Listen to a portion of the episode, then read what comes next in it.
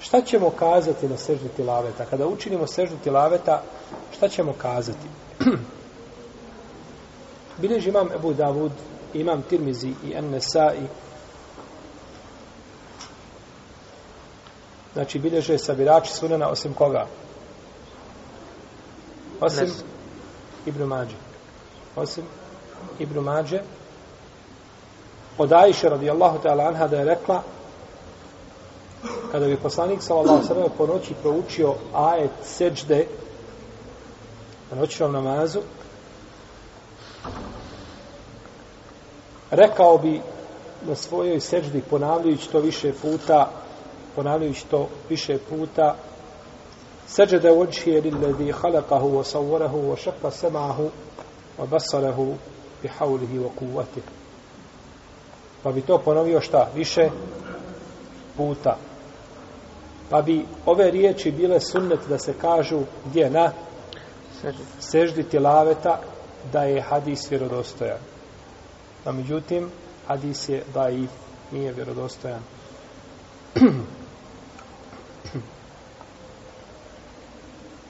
I prenosi se od Ibn Abbasa da je jedan čovjek došao poslaniku sallallahu alaihi vseleme kako bilježi imam Tirmizi Ibn Mađe i rekao mu Allahu poslaniče vidio sam me u snu odnosno usnio sam kako klanjam iza jednog drveta, pa kada sam učinio seđdu, učinilo je i drvo sa mnom seđdu.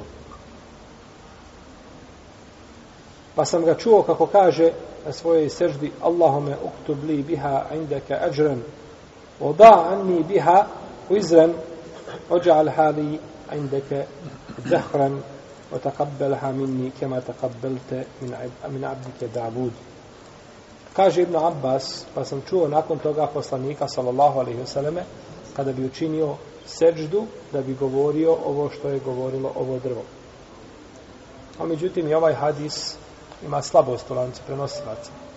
Tačno neki su učenjaci prihvatili ove hadise pa rade po njima ali ono što je poznato kod učenjaka jeste da se na seždi tilaveta izgovara isto što se izgovara i na običnoj seždi, odnosno seždi namaza.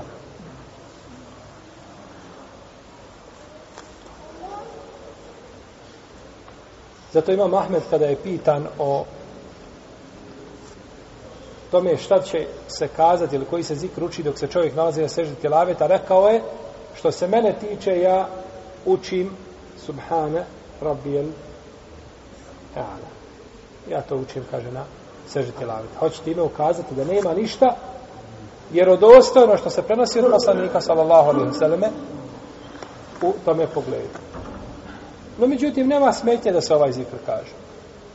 S tim da čovjek nije ubjeđen da je to šta? Sunnet. Govoriš to kao bilo koji drugi zikr. Ova prva dova, ona je došla u propisanim namazima koji smo proučili. Ona je došla kao dova propisanim namazima, a nije posebno kao dova na seždi tilaveta. Pa nema smetje da se na seždi bilo koji zikr izgovara, ali ga čovjek ne smije smatrati sunnetom koji je prenešen od poslanika, sallallahu alaihi wa alaihi wa. I da kaže, na seždi tilaveta treba kazati to i to. Ne, na seždi tilaveta se treba kazati ono što se govori na običnim seždama u namazu, a ako se doda da ovo nema smetnje, jer je sežda mjesto gdje se može doviti gdje je poslanik, sal sam rekao, povećajte svoje dove na seždama, jer je rob najbliži Allahu te barake od tala na seždi. Ali neće to smatrati šta? Sunnet. Neće smatrati to sunnetom poslanika, sa sam osim ako smatra da je hadis jer dostojen, to je druga stvar. To je druga stvar.